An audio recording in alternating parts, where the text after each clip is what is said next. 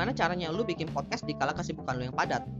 Karena gue orang kantoran, pagi sampai sore itu ya fokusnya untuk kantor. Sampai rumah pasti udah malam, jadi langsung istirahat.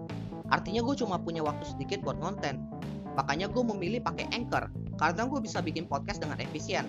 Dari rekam sampai tentuin waktu rilis. Hasilnya pun bisa maksimal.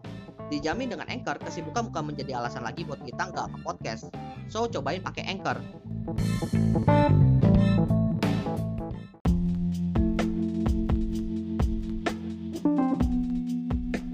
Tanggal 21 sampai 22 September kemarin gue ngikutin Tech in Asia.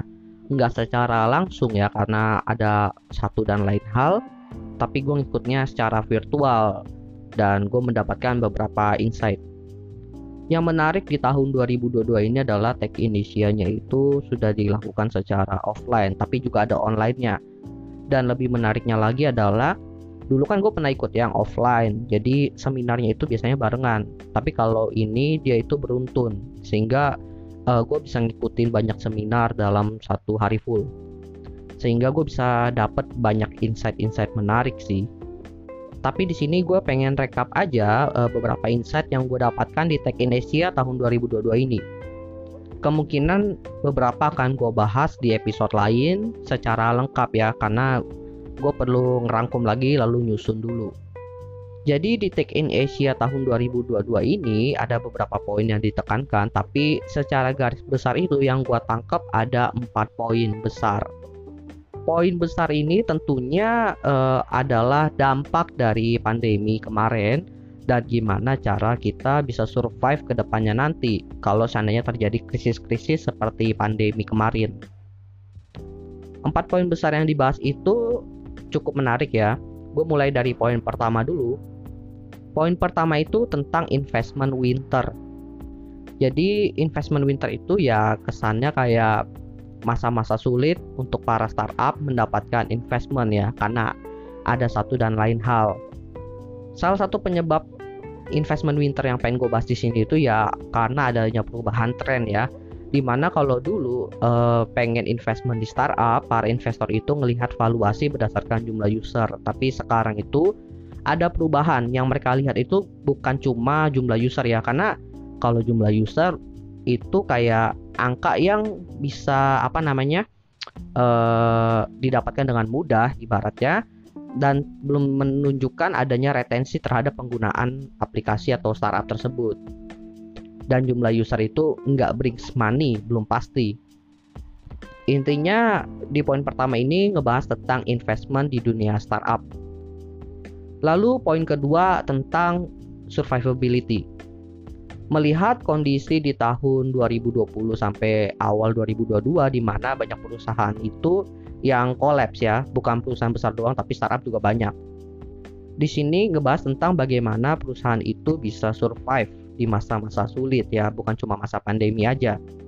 Bukan cuma bisa survive, tapi bagaimana caranya bisa scale di masa-masa sulit tersebut dan bisa dibilang mengambil market daripada kompetitor. Menariknya lagi di sini yang ngebahas itu beberapa dari perusahaan Indonesia. Ya, yang cukup terkenal itu ya dari Goto. Dan masuk akal aja karena Goto itu IPO di masa-masa pandemi. Jadi menarik ya gimana perusahaan itu yang banyak tumbang tapi ini ada satu perusahaan yang bisa uh, go public di saat pandemi.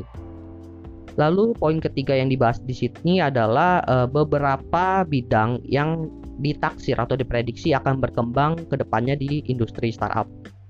Ada industri lama yaitu industri fintech ya, karena memang di situlah duit berputar Lalu ada bidang-bidang yang bisa dibilang lumayan baru tapi nggak baru-baru amat juga dibahas kayak bidang kesehatan, bidang direct to consumer, lalu ada bidang yang baru kayak blockchain. Tapi blockchainnya di sini itu udah spesifik. Misalnya kayak game lalu ada juga uh, financial berbasis blockchain juga ada. Lalu poin keempat yang dibahas di Tech in Asia itu adalah tentang teknologi blockchain. Kalau di poin ketiga itu kan bahas bisnis yang berbasis blockchain. Kalau ini tentang implementasi blockchain itu terhadap uh, kehidupan kita seperti apa, use case-nya itu seperti apa. kalau gue lihat sih ini merupakan refleksi di masa pandemi di mana memang blockchain itu naik tapi kenaikannya itu ya lebih kepada kripto dan orang menganggap blockchain itu sebagai tempat investment.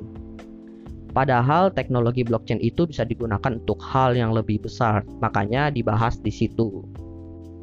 Jadi itu empat poin yang gue tangkap ya ketika gue mengikuti uh, seminar di Tech in Asia. Untuk pembahasan lebih lanjutnya akan ada beberapa episode yang gue buat untuk membahas hal ini, so stay tune di Opsiana Podcast dan nantikan untuk episode lainnya. Well, gue rasa itu aja. Thank you buat teman-teman yang sudah mendengarkan.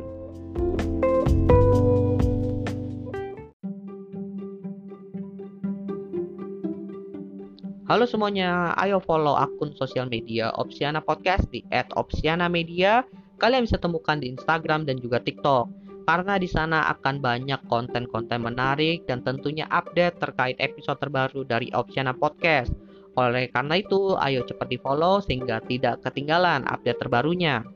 Terima kasih dukungannya teman-teman, jangan lupa di-follow dan juga see you next time di episode lainnya. thank you